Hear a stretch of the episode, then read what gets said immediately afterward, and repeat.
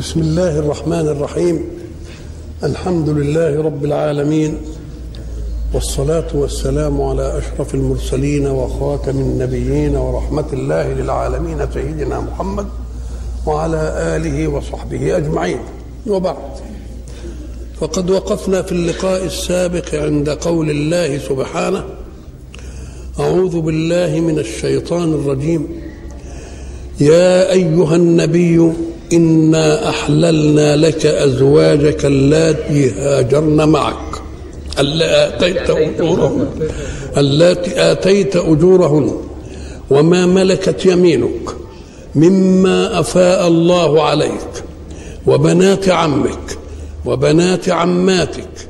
وبنات خالك. وبنات خالاتك. اللاتي هاجرن معك. قلنا كلمة أحللنا. تفيد أنه لم يكن حلالا ثم أحل. هذه المسألة العلماء وقفوا عندها مواقف متعددة. رسول الله صلى الله عليه وسلم جاء ليبين للناس ما نزل إليه وجعله سبحانه أسوة سلوكية في الأمور التي يعز على الناس أن يستقبلوها. فنفذها أولا في نفسه. فمثلا كما سبق في آية التبني كان العرب قد يتبنون غير أبنائهم ويجعلون له حق الإبن وأراد الله أن يلغي هذا.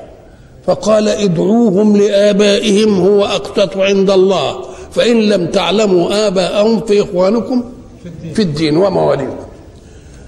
رسول الله صلى الله عليه وسلم أرسله الله وتعدد الزوجات موجود عند العرب وموجود حتى مع الأنبياء السابقين وأراد الله أن يحدد هذا التعدد تحديدا يمتص الزائد من النساء ولا يجعله مباحا في كل عدد فأمر رسوله أن يقول لأمته من كان عنده أكثر من أربعة فليفارق ويمسك أربعة فقط ولكن هو عنده تسعة في الوقت ده.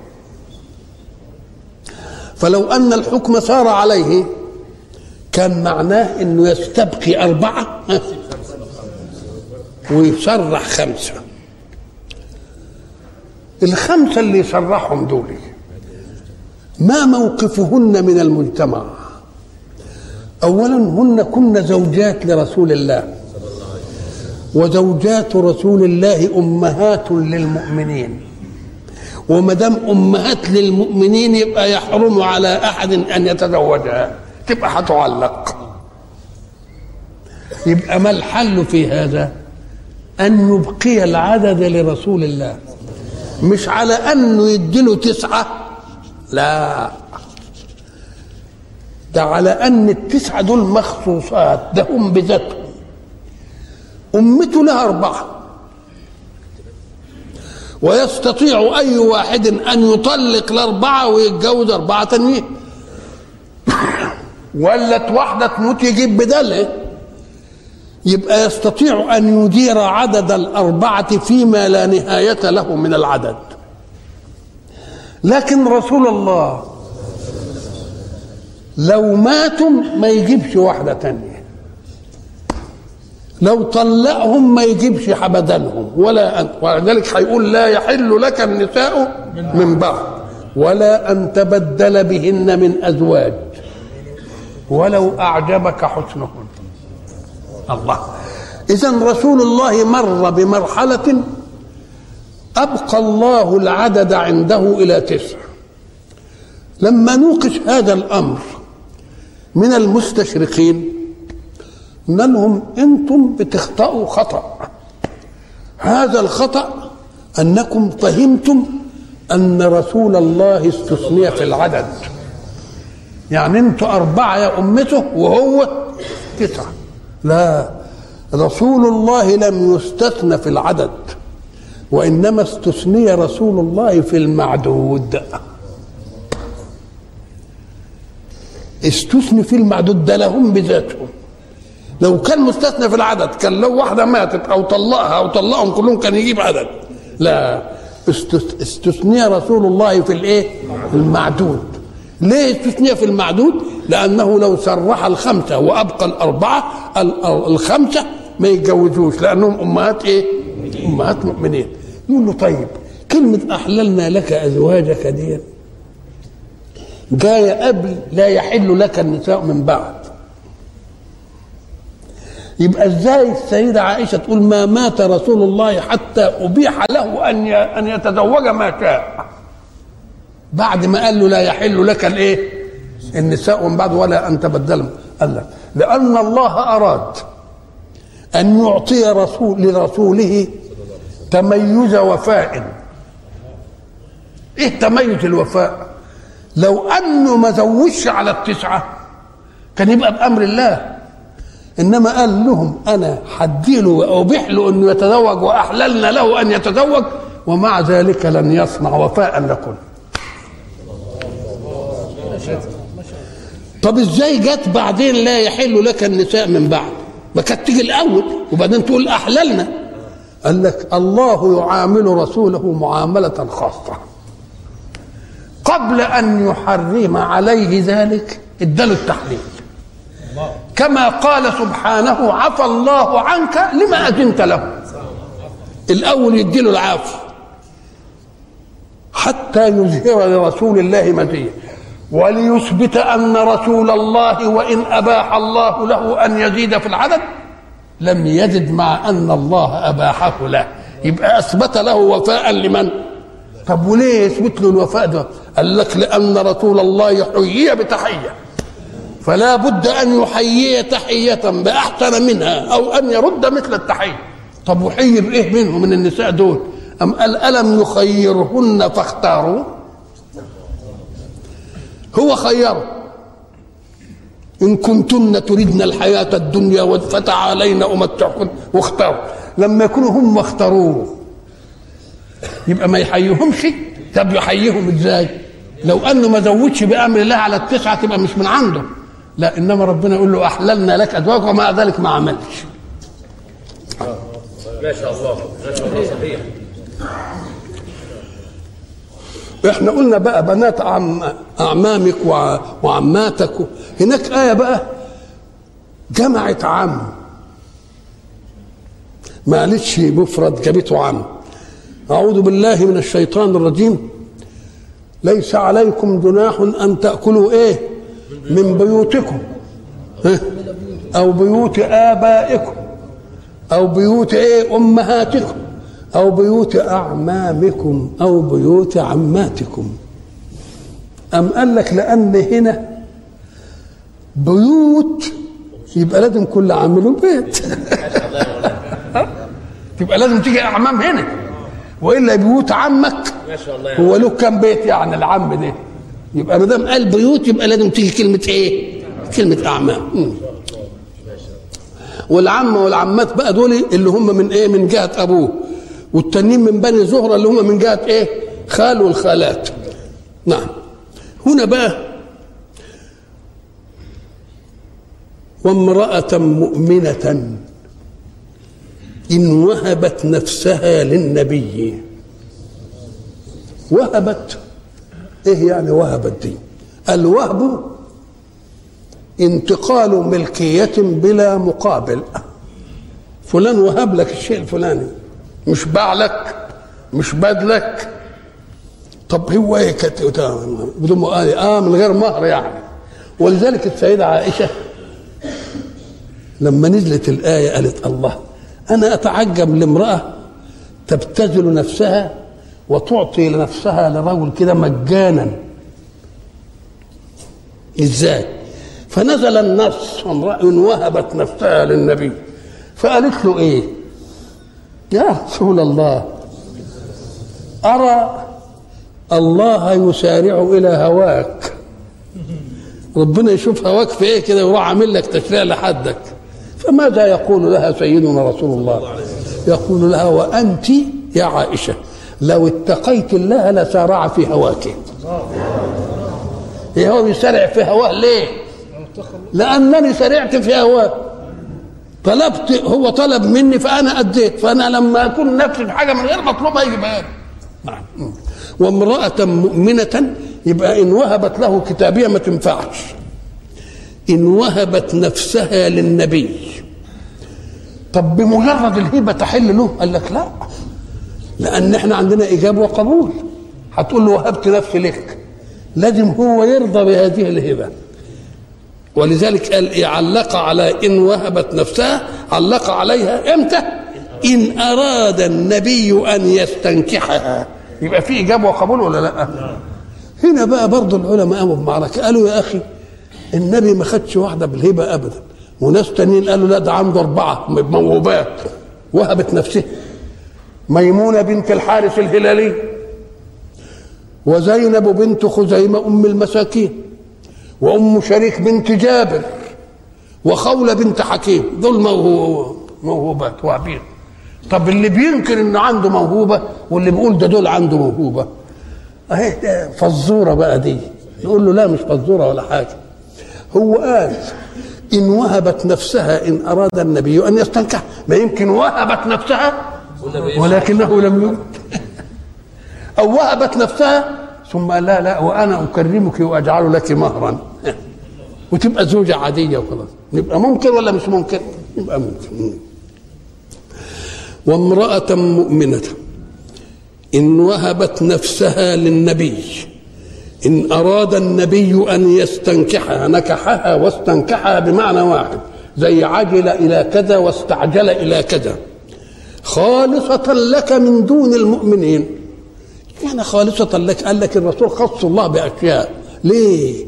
لأن الرسول مش مهمته بس مع نفسه مهمته مع الناس كلهم ومش مهمته مع الناس كلهم المعاصرين له ده مهمته مع الناس اللي هيتوجدوا بعده إلى أن تقوم الساعة. فمشغوليته كبيرة. أنا سنلقي عليك قولا إيه؟ قولا ثقيلا عمليه مهمة. فما يشغلوش بأي حاجة من دي ابدا. واقف في أي حاجة نقول له خد عشان يتوفر لمين؟ يتوفر للعملية اللي هو بإيه؟ اللي هو بصددها بحيث إذا ما عشق العملية البلاغية للأمم من الله واندمج معها تموت في نفسه كل الأهواء ولا تبقى إلا هذه. ولذلك نجد الرسول عليه الصلاة والسلام أول ما جاله الوحي. ده خاضع لآية وما كان لبشر أن يكلمه الله إلا وحيا أو من وراء حجاب. مش كده؟ أو يرسل رسولا فيوحي بإذنه ما يشاء. ليه؟ أم قال لك لأن الحق سبحانه وتعالى لا بد أن ينقل المسائل على فترات طاقية يعني حسب الطاقة. ما فيش حد يستطيع أنه يستقبل على الله مباشرة. يوم يعمل إيه؟ يصطفي من الملائكة رسل. مش الملائكة كلهم لا. ويصطفي من الرأس رسل يأخذون من المصطفين من الملائكة. يبقى عملها كم مرحلة؟ المراحل دي عشان إيه؟ لأن ما فيش حد عنده قدرة ولا استطاعة أن يدرك شيئا بالنسبة لله إلا ما قاله الله عن نفسه. ولذلك سيدنا موسى لما قال أرني أنظر إليك.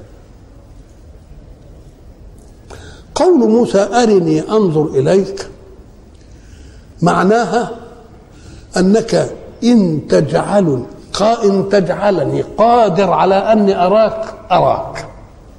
لكنني بطبيعة تكويني ما أقدر إنما إن أريتني أراك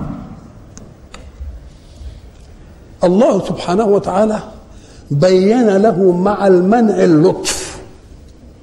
قال له أنا لا أضن عليك يا موسى بأن تراني. وخليك تراني. لكن أنت لقدرتك ولطاقتك ولتكوينك لا طاقة لك على احتمال رؤيتي. وسأثبت لك ذلك بالفعل. فلما تجلى ربه للجبل إذا لله تجل على بعض خلقه.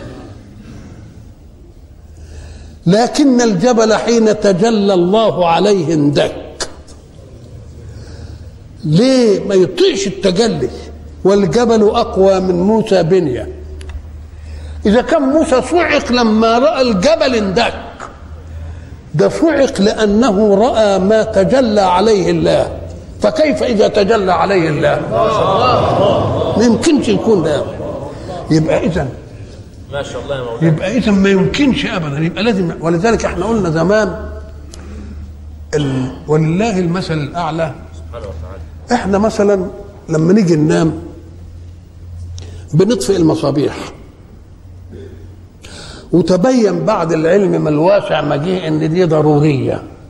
لأن النوم ده عايز ظلام وظلام دامس عشان الجسم ما ياخدش الإشعاعات اللي هي هتسم وهو جاي يرتاح. طب افرض ان هو نام ولا أطفأ المصابيح وعايز يقوم يروح دورة المية بالليل. ويمشي يلخبط بقى في الشقة. إن أصاب أقل منه يحطمه. وإن أصابه أقوى منه يكسره فحاجة من اتنين يا يحطم اللي أقل منه يا يا الدولاب ولا الكنبة ولا بتاع تروح لطشامة يلا. فإذا لابد أن يسير في ضوء يقوموا يتغلبوا على ده إزاي؟ العقل البشري تغلب وقال لك نعمل حاجة اسمها نسميها الوناسة الوناسة دي لمبة نمره إيه؟ اتنين شمعتين ولا شمعة يا دوب تدينا ضوء ولو لحد ما أروح لمفتاح النور. عشان لا أحطم من دوني ولا يحطمني من أنا دونه. لما تيجي بقى تقول اللي كهرباء ركب لي وناسه شمعتين ولا ثلاث شمعات ولا ولا ما يقدرش يركبها على الطيار يقوم يجيب يعمل إيه؟ حاجة اسمها إيه؟ ال transform ال transform ده ياخد من التيار القوي ويضاعفه يضاعفه يضاعفه ويرد للبتاع الصغننة دي. اهو من الوسائط من الأنبياء والملائكة عايزين العملية دي. يصطفي من الملائكة رسلا ليتلقوا عن الله. وبعدين يصطفي من البشر رسل علشان يتلقوا من الملائكة. كل دي لأنه ما يقدرش يتكلم بدليل أن الوحي حينما جاء لرسول الله ماذا صنع فيه؟ طمني حتى بلغ مني الجهد وإن جبينه لا يتفضل عرقا. مش كده؟ وقال لهم زملوني دستروني وعملية طويلة عريضة واول مرة. وبعدين شاء الله سبحانه وتعالى أن يرفع عنه ما أنقض ظهره وأتعبه. فالوحي فتر عنه مدة. ليه؟ فتر الوحي عشان النبي يستريح من العملية بتاع زملوني ودسروني. فإذا هدأت أعصابه وهدأت طاقته تبقى معه حلاوة ما أوحي إليه. يقوم الحلاوة بتاعت الوحي بعد زوال التعب تخليه يتشوق هو للوحي. لما يتشوق للوحي المتاعب بتاعته ما يحسش بها ولذلك هناك أعوذ بالله من الشيطان الرجيم بسم الله الرحمن الرحيم والضحى والليل إذا إيه؟ ما ودعك ربك وما قلى لأنهم قالوا لما فطر الوحي قالوا الله ما محمد ما عادش بيجيب كلام من ربنا يعني سكت كده وبتاع. ده رب محمد جفاه. شوف كلمة رب محمد جفاه. اشمعنى دلوقتي عرفت ان محمد له رب؟ في الجفوة عرفت إنه هو الرب. وفي الخلوة والجلوة ما قلت لا ما فيش ده كذاب. قال لا. قال ما ودعك ربك وما قلى الآخرة خير لك من الأولى. لأنك أنت هيجي لك الوحي بسوء منك. أنت اللي هتستدعيه. ولما أنت اللي تستدعيه تبقى الطاقة بتاعتك تقدر إيه؟ تتحمله. إذا رسول الله صلى الله عليه وسلم الحق سبحانه وتعالى يجعل له أشياء تيسر له أمر الاندماج في المستقبل. ولذلك بقى يجي له الوحي ولا يجي له العرق ولا يجي له حاجة ولا ليه ليه؟ طاقة الشوق اللي عنده ده أنت لما تكون متشوق لواحد تروح تلبخ له في الشوك وتعمل له مش عارف إيه ولا تضرع أنت عملت إيه؟ يبقى اذا الطاقة الحبية تعمل إيه؟ تخليك تتغلب على الإيه؟ على المشاق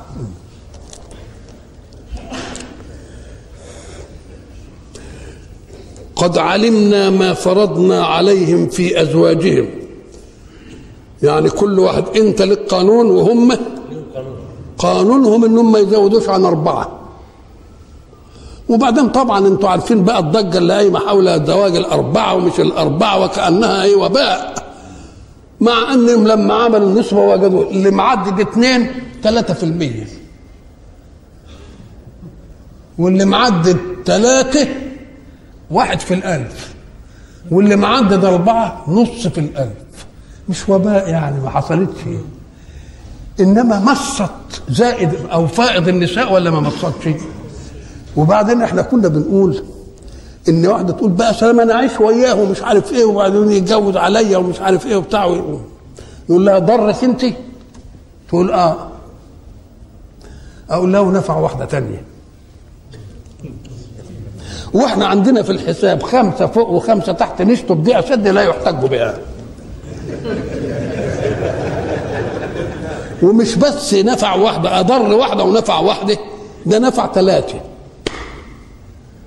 ما تسألوش بقى المتجوزة اسألوا اللي لسه ما اتجوزتش طب اللي اتجوزت امراه ثانية رضيت بالتاني ليه؟ ليه؟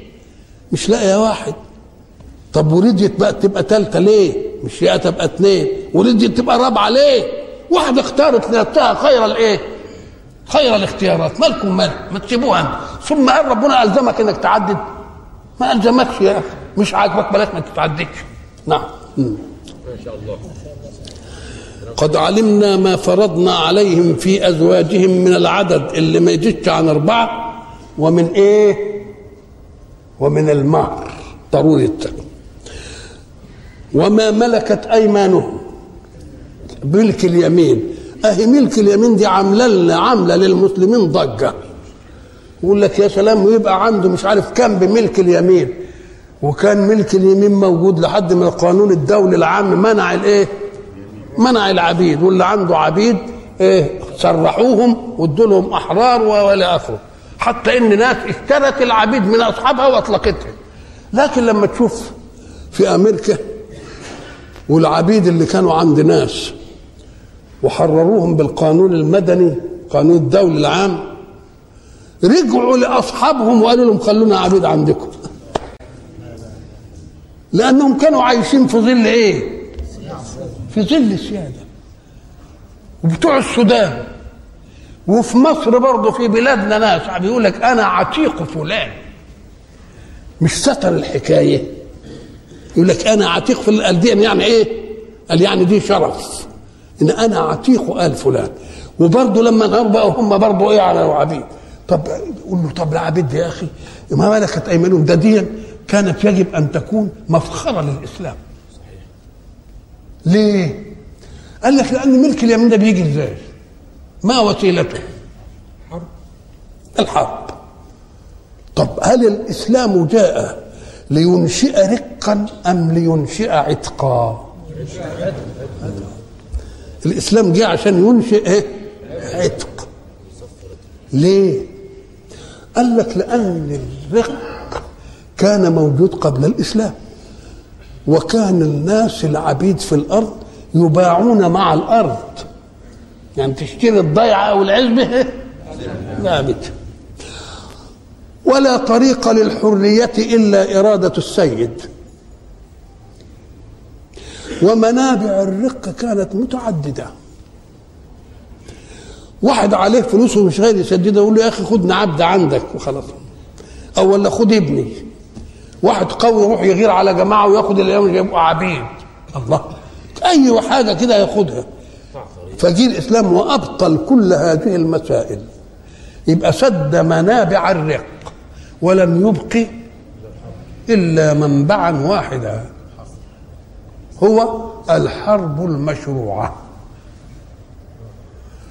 وهل في الحرب المشروعة حتم أن يوجد رق؟ لا معاملة بالمثل. إن اللي كان بيحاربني أخذ أولادي وأعتقهم أنا أعتق اللي عندي. اسمها معاملة إيه؟ معاملة المثل. دي ماشية في الحروب ولا لا؟ بس هناك على أقدار الناس واخدين واحد فيلسوف كبير وواحد مخترع كبير يقولوا لا دي دي عنك ب 10 من عندك. عشر همج يعني كده من مش عارف الله. اذا الرق فإما منا بعد وإما فداء. ليه؟ قال لك لأنني بحارب. وبحارب لا لارغم لا لأرغم ناس على دين ولكن لأحمي اختيارهم للدين. بس. بدليل إن البلاد اللي دخلها الفتح الإسلامي أبقى ناس على كفرهم. ما دام أبقى ناس على كفرها يبقى معناها إيه؟ إنه ما جاش يفرض الإسلام. جاء يفرض عليهم حرية الاختيار يعني إن كان خايف من حد بيحميه يقول له اختار اللي أنت عايزه بدليل إنه أبقى أناس على إيه؟ دينهم وبعدين خد منهم جزيه مقابل الزكاة اللي المسلم بي إيه؟ بيدفعها يبقى أنا ما ياخدوش مني أسرة وأنا أطلق أسراهم وهم ماسكين أسراي لكن أعاملهم بالإيه؟ بالمثل فإما منا بعد وإما فداء حتى تضع الحرب اوزارها طيب. جاء عندي أسرى. الأسرى دول قسمين يا رجال يا نساء اشتركوا في الحرب وخدناهم. نقول له تعالى بقى. انت خدتهم أسرى حرب.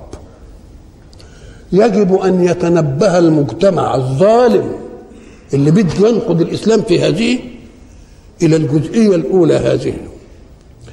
الذي اسرته في المعركة يبقى قدرت عليه أم لم تقدر؟ ده أنت لو قتلته انتهت المسألة ولا عادش له مقاومة. إنما تبقيه حي يبقى له مقاومة. فكونك تمسكه كده ويبقى قدرت عليه. مع أن قدرتك دي كانت تمكنك إنك تقتله. فكأن الله أباح التملك من الحرب عشان يحقن الدم بتاع الأسير. وقال له لا اوعى تقتله إلا مضطر ده بتاعك. يعني هيجوا يفدوه وهتنتفع بيه ولو على يخدمك. الله يبقى يبقى ما تقارنش بين رق وحرية. إنما قارن بين رق وقتل. إن اللي احسن قارن بين رق وقتل. أدي المقارنة الصح. ما تاخدوناش في دوكه كده وتقولوا الرقيق ومش الرقيق. يبقى اذا مشروعية الرق إنما جاءت لتحمية دم المأسور وما دام بقى مأسور وقدر عليه كان من الممكن يقتله. قال له لا ما تقتلوش. احكم دمه. ده خده ده يخدمك ده يبقى بتاعك. الله. يبقى خد النفعية في الإنسان واستغلها عشان يحكم مين؟ يحكم الدم. وبعدين خدناه. قال شوفوا بقى إن كانوا هم خدوا منكم اعملوا تبادل. قال طب ما خدوش منك خليها عندك. بس اسمع بقى هذا شريكك في الإنسانية المخلوقة لله. وأنا قلت لك استأثر علشان أحقن دمه. أنا ما أحقنش دمه عشان تذله. ده أنا بحقن دمه عشان ينتفع بالحياة. فما تستذلوش. أمال يعمل فيه إيه؟ قال له إخوانكم خوانكم جعلهم الله تحت أيديكم. فمن كان أخوه عنده فليطعمه مما يطعم. وليكسه مما يكسى. ولا يكلفه ما لا يطيق. فإن كلفه فليعينه يبقى إيده بإيده. طب هات لي بقى واحد كده بلبسه من اللي أنا بلبس منه وبأكله من اللي باكل منه ولا كلفوش بحاجة إلا إذا كانت صعبة عليه إيدي بإيده. طب يبقى إيه ده بقى؟ ده يبقى هنا ده حياة إيه دي الحلوة دي؟ خلاص؟ وبعدين مش بس كده. قال له وأي ذنب ترتكبه معي يعني مع الله مش هغفره لما اتعتق الله.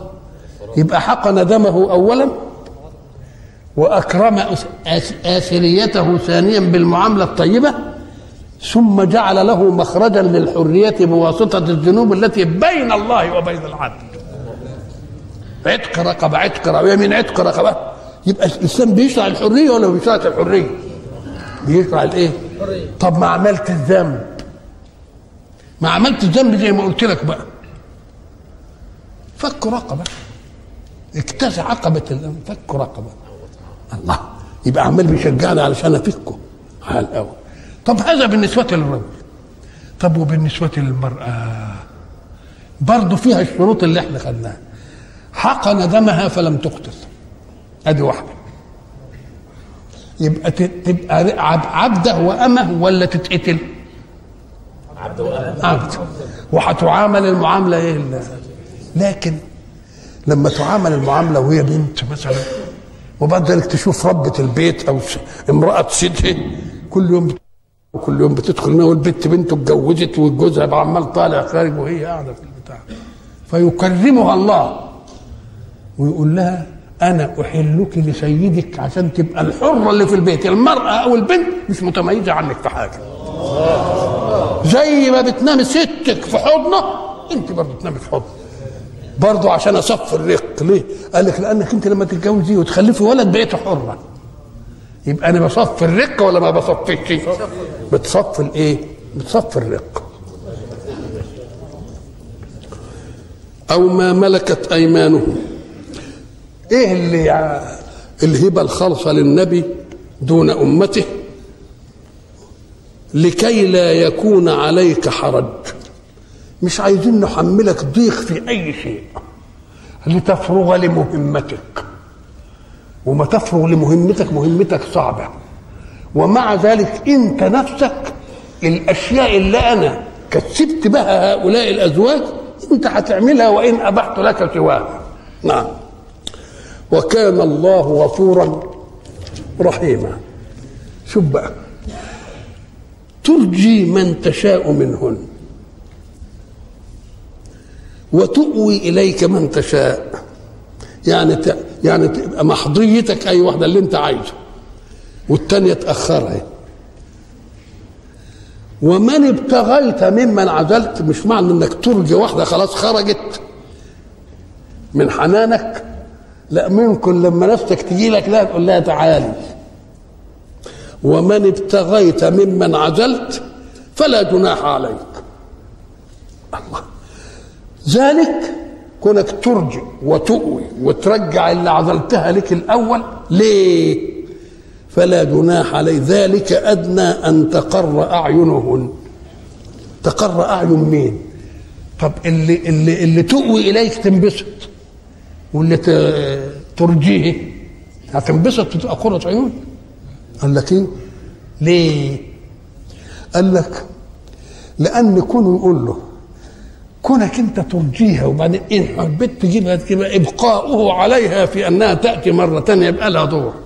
وأيضا حين يكون ذلك من تشريع رب محمد لمحمد ما يدلش على أن محمد كرهها ولا حاجة ده بتاع ربنا. يبقى إن فعلته مع أن في مشقة يبقى فعلته طاعة لمن أمر به. فتأخذ ثواب الله عليه. الله ما شاء الله ما شاء الله ان تقر كلمة تقر إيه؟ أعينهن ولا يحزن. يبقى الكلام ده بقى للمين؟ للمرجئة اللي أرجأها ويرضين بما آتيتهن كلهم كلهم يرضوا. لأن ده بأمر مين؟ بأمر الله. ويكفي أنه لم يعزلها عن حياته. بل إذا عازها تاني إيه تيجي له. كلمة تقر أعينهن الحق سبحانه وتعالى حين يتكلم بالكلمة كفص الماس. الماس دي نفاسته من إيه؟ نفاسة الماس جاية من إيه؟ بس جوهر نفيس بس؟ لا. تعدد إشعاعاته. يعني في شيء يبقى له إشعاع واحد يطلع إنما الماس كل ذرة تكوينية فيها لها إشعاع خاص. ولذلك يقول لك ده بيلالي. بيلالي يعني إيه؟ كل ذرة فيها لها إيه؟ لا إشعاع. كذلك الكلمات حين يستعملها الله. ما فيش شعاع يطمس شعاع. ما فيش شعاع طب كلمة تقر دي اللي جابها ربنا سبحانه وتعالى في القرآن كتير. قرة عين ليه؟ ليه ولك. رددناك إلى أمك كي إيه؟ تقر إيه؟ عينها الله. إيه تقر عينها دي؟ قال لك قر معناها سكن زي قر في المكان. تقول الواحد استقر بقى ارتاح اقعد إيه قر في المكان؟ طب قرة العيون يعني إيه؟ قال لك العين هي وسيلة استمالة الجمال. فإذا رأت شيئا جميلا قيدت به وجماله ما يخليهاش إيه؟ تروح هنا ولا هنا. ولذلك يقول لك فلانة قيد البصر. قيد البصر يعني اللي يشوفها ما. ما. ما يحبش يشيل عينه منها ابدا. ولذلك أنت حتى بتقول لك يقول لك ده اللي يشوف ده ما تشيلش عينك منه. ما تشيلش عينك منه لأن ما فيش إيه؟ ما فيش حلا منه. يبقى قرة العيون يعني إيه؟ إحنا عندنا بقى في الريف لما يقول لك ده فلان عينه زايغة. زايغة يعني إيه؟ يعني يبص هنا ويبص هنا ويبص هنا. ما دام يبص هنا ويبص هنا ويبص هنا يبقى نسميها إيه؟ عينه زايغه أو نسميها في بعض الفلاحين برضه مش زايغه يقول لك ده عينه دشعة. ما بتسمعوش الكلمة دي؟ دشعة. عينه إيه؟ دشعة. دشعة يعني إيه؟ في بعض لهجات العرب تقلب الجيم دال. انت عارف حكاية دردة؟ آه هي. آه هي دردة. دردة يعني جرجة. عمل الجيم إيه؟ اهي دشعة. جشعة يعني. جشعة. جشعة. ما بتستخرش على عايز دي وعايز دي وعايز دي. يبقى هي برضه عين زايغة ولا لأ؟ في المعنى السياسي يقول لك ده فلان ده له تطلعات. يعني ما بيستقرش على الوضع اللي هو ده. هو عايز مش وزير بس ده عايز يبقى رئيس وزاره يمكن رئيس مش عارف إيه. ده فلان ده له تطلعات هتوه يبقى معنى التطلع إنه ما يستقرش إيه عند إيه؟ عند حاجة عند حاجة اهي تقر عينه معناها إيه؟ معناها يقف عند شيء ولا يتحرك عنه. أو تقر عينه من القر وهو البرودة. أن يقول لك سخنت عينه وقرت عينه. يعني فيها إيه؟ برودة. برودة دي في العين بتدي راحة للحباية بتاعت العين. لأن حباية العين دي الآن ثبت أنها أدق ميزان للصحة العامة. دلوقتي عادوا يعرفوا النبض ويعرفوا مش عارف إيه كله من إيه؟ من العيون. ولذلك إيه؟ يقول لك جاءني فلان عينه. زي نفسه. عينه زي إيه؟ أكن العين هي اللي إيه؟ ولذلك تجد من تحت من من قدرة الحق سبحانه وتعالى. قلنا زمان إن في حاجة اسمها الاستطراق الحراري. الاستطراق الحراري يعني إيه؟ أنت قاعد في أوضة والدنيا برد. فقلت لهم أوقدوا لنا المواقد وجبت الفحم. ومن النار تشتعل. النار تقعد تشع دفع حواليه. لحد ما تنطفي يبقى معناها أن الإيه الجو بقى إيه؟ حرارته واحدة. اذا لما يكون في حاجة حارة وفيها ريحة حاجة باردة لازم الحرارة تروح للبرودة لحد ما تبقى إيه؟ سيال واحد. إحنا حينما نشوف جسمنا نجد انهم وجدوا إن الإنسان منا له حرارة المثالية اللي هي سبعة وثلاثين. ومن العجيب إن سبعة وثلاثين دي اللي في المنطقة القطبية برضه سبعة وثلاثين. واللي في منطقة الخط الاستوي برضه سبعة وثلاثين. الله. طب ليه ما يحصلش استطراق مع الجو؟ قال لك فيه ربنا عامل لكل جارحة عواجل عاجل. ولذلك تجد الحرارة العامة 37 بينما في أجهزة في الجسم كالكبد إن حرارته قلت عن 40 يبقى معيان. وفيه بقى حتة هنا إن حرارتها زادت عن عشرة العين تنفخت. والهنا الله طب إزاي مع إن دي كلها جسم واحد وحرام؟ ما استطرقتش ليه دي؟ ال 40 في التسعة في السبعة. قال لك لا كل واحدة واخدة ربنا مديلها الايه؟ بقدر الحرارة اللي مطلوبه واحدة ت- تسعة وواحدة الايه؟ 40 والمجموع الحراري كله كام؟ 39 مين يعمل دي؟ مش ممكن. إلا الله. بس. الله. طيب. يبقى تقر عينهم. العيون بتاعتهم تقر يعني إيه؟ تنبسط ولا يبقاش لها تطلعات تانية ما تبقاش زيغة ولا دشعه ولا غيره. أو تقر يعني إيه؟ يبقى فيها برودة ما فيهاش إيه؟ ما فيهاش سخونة وده كنايه عن السرور ويرضين بما آتيتهن كلهن.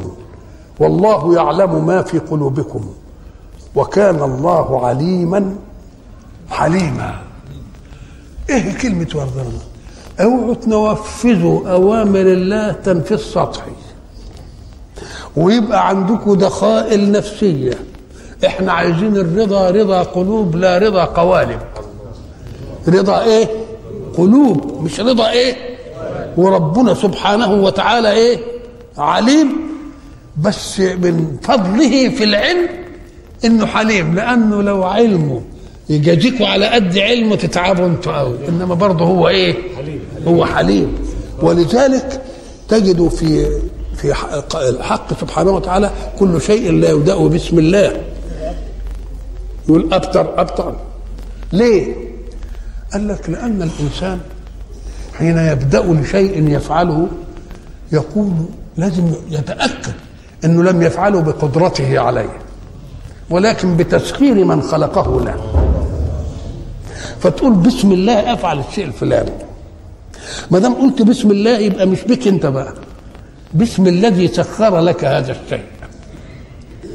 بسم الله ولذلك إيه؟ إذا استويتم على تقولوا إيه؟ سبحان الذي سخر لنا هذا وما كنا له إيه. وإنا إلى ربنا لمنقلبون. فبيقول لك اوعى تخاف تقول بسم الله على شيء وإن كنت أنت عاصي. بقول برضه قول بسم الله. ليه؟ لأنه رحمن ورحيم. اوعى تقول أنا مش أهل عشان أقول بسم الله.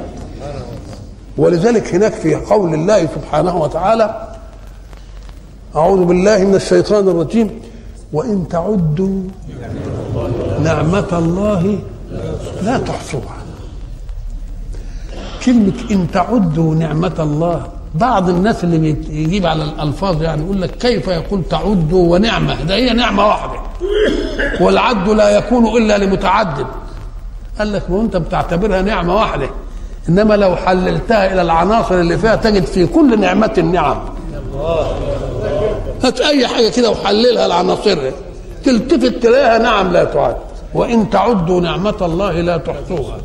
ولذلك قال إن تعدوا إن. وكلمة إن دي للشك ليه؟ لأن مش ممكن. طب في عمليات جامعات في العالم للإحصاء في كل شيء. إحصاء كذا وإحصاء. هل حد عمل إحصاء للنعم؟ ليه؟ طب ده عملوا إحصاء في كل حاجة. قال لك لأن مش ممكن. مش ممكن يحصوه لأن الإقبال على العد فرع إن ممكن إننا نحصي وده مش ممكن إننا نحصي فما يمكنش إننا نحصي ما حدش بيعد ما دي ما تتعدل. طب تعالى وإن تعدوا نعمة الله لا تحصوها. والنعمة تناول خير من يد منعم. يبقى منعم عليه. تناول نعمة من يدي يبقى كم عنصر؟ ثلاثة. نعمة من منعم على منعم عليه. أما من ناحية النعمة فهي ما يمكنش تتحصى لأنها نعم لا تنتهي. وجاب الفرد وقال لك وإن رأيتها فردا إنما لو حللتها وجدت فيها إيه؟ نعم كتير. ادي واحدة. طيب ادى من ناحية النعمة. لا يحصى لها عد. هات من ناحية المنعم المنعم ولا ناحية المنعم. المنعم بينسى المنعم عليه بينسى. ويكفر بالنعمة ولا يفتكر حاجة ولا حاجة. إنما اللي مديم عليه النعمة إن ربنا غفور رحيم. ولذلك فيه آيات يقول وإن تعدوا نعمة الله لا تحصوها إن الإنسان لظلوم كفار. وآية ثانية إن الله غفور رحيم. يبقى غفور رحيم جاي لمين؟ للمنعم. وظلوم كفار جاي لمين؟ يبقى دوام نعمة الله عليك أيها الظلوم. أيها الكفور لأن الله غفور ورحيم. وإلى لقاء آخر إن شاء الله.